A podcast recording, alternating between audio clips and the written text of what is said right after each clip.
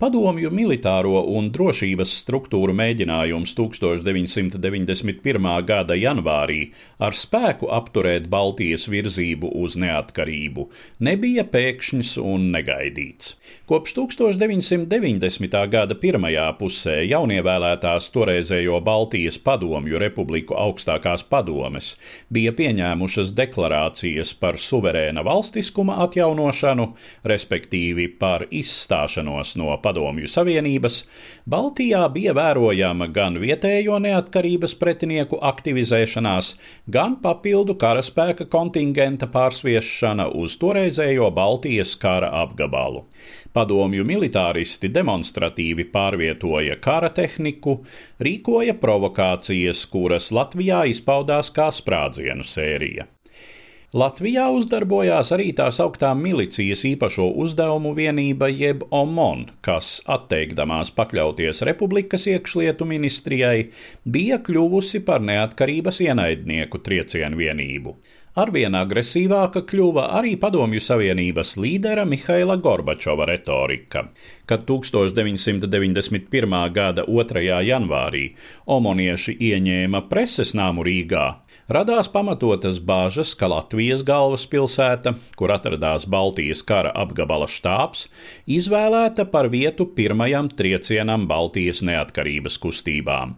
Tomēr izrādījās citādi, un naktī uz 1991. gada 13. janvāri padomju armijas specvienība ar bruņu tehnikas atbalstu ieņēma Lietuvas radio un televīzijas centru Viļņā.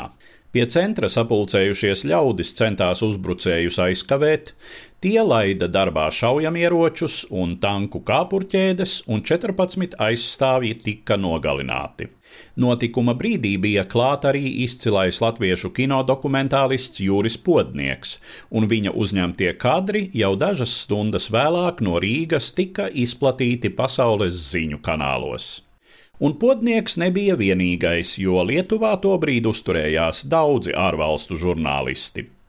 Iespējams, Maskavā bija cerēts, ka pasaules uzmanību pilnībā saistīs tobrīd uzliesmojušais karš starp Irāku un Savienoto valstu vadīto koalīciju Persijas līča rajonā, un situācijai Baltijā netiks pievērsta pelnītā uzmanība. Tomēr jau nākamajā dienā Kremlis saņēma skaidrus brīdinājumus, ka var tikt pārtraukta ekonomiskā palīdzība no rietumiem, un Maskavā sākās atbildības novelšanas un izmelošanās spēlītes. Tikām Rīgā, Daugaumalā 13. janvārī ap pusmiljons cilvēku pulcējās Tautas frontes organizētā manifestācijā. Pēc tās beigām daudzi palika vecrīgā, un te sākas lieties pirmās barikādes, kurām sākotnēji tika izmantotas stalāžu detaļas, bruģakmeņi, vietām arī būvgruži, Vēlāk centrā sāka ierasties smagā tehnika, ceļam krāni, baļķu un dzelzbetona bloku vedēji, un dažviet, kā piemēram ap tagadējo saimas namu un pie Latvijas radio ieejas, tika uzslietas jau samērā nopietnas dzelzbetona bloku aizsargbūves.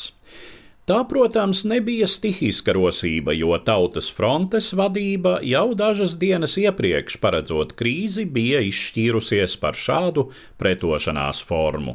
No tīri militārā viedokļa šīs barikādes nebija necik nopietns šķērslis, taču kā materializēta pretestības līnija, tās izrādījās pietiekami iedarbīgas.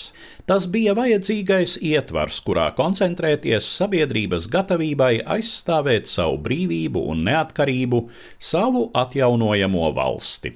Nepārprotams vēstījums, ka Baltijas nāciju brīvības centienus neizdosies nosmacēt pa kluso, un Kremlis, ja izšķirsies lietot bruņotu spēku, pamatīgi aptraipīs savu nesen uzspodrināto perspektīvā rietumu partnera mundieri un potenciālais uzbrucējs īsti jau arī nevarēja zināt, kas slēpjas aiz tādas barikādes, un vai tam nedraud arī konkrēti zaudējumi. Visu šo apstākļu ietekmē padomju militāristu un vietējo neatkarības pretinieku apetīte uz radikālu rīcību noplaka. Stāstīja Eduards Liniņš.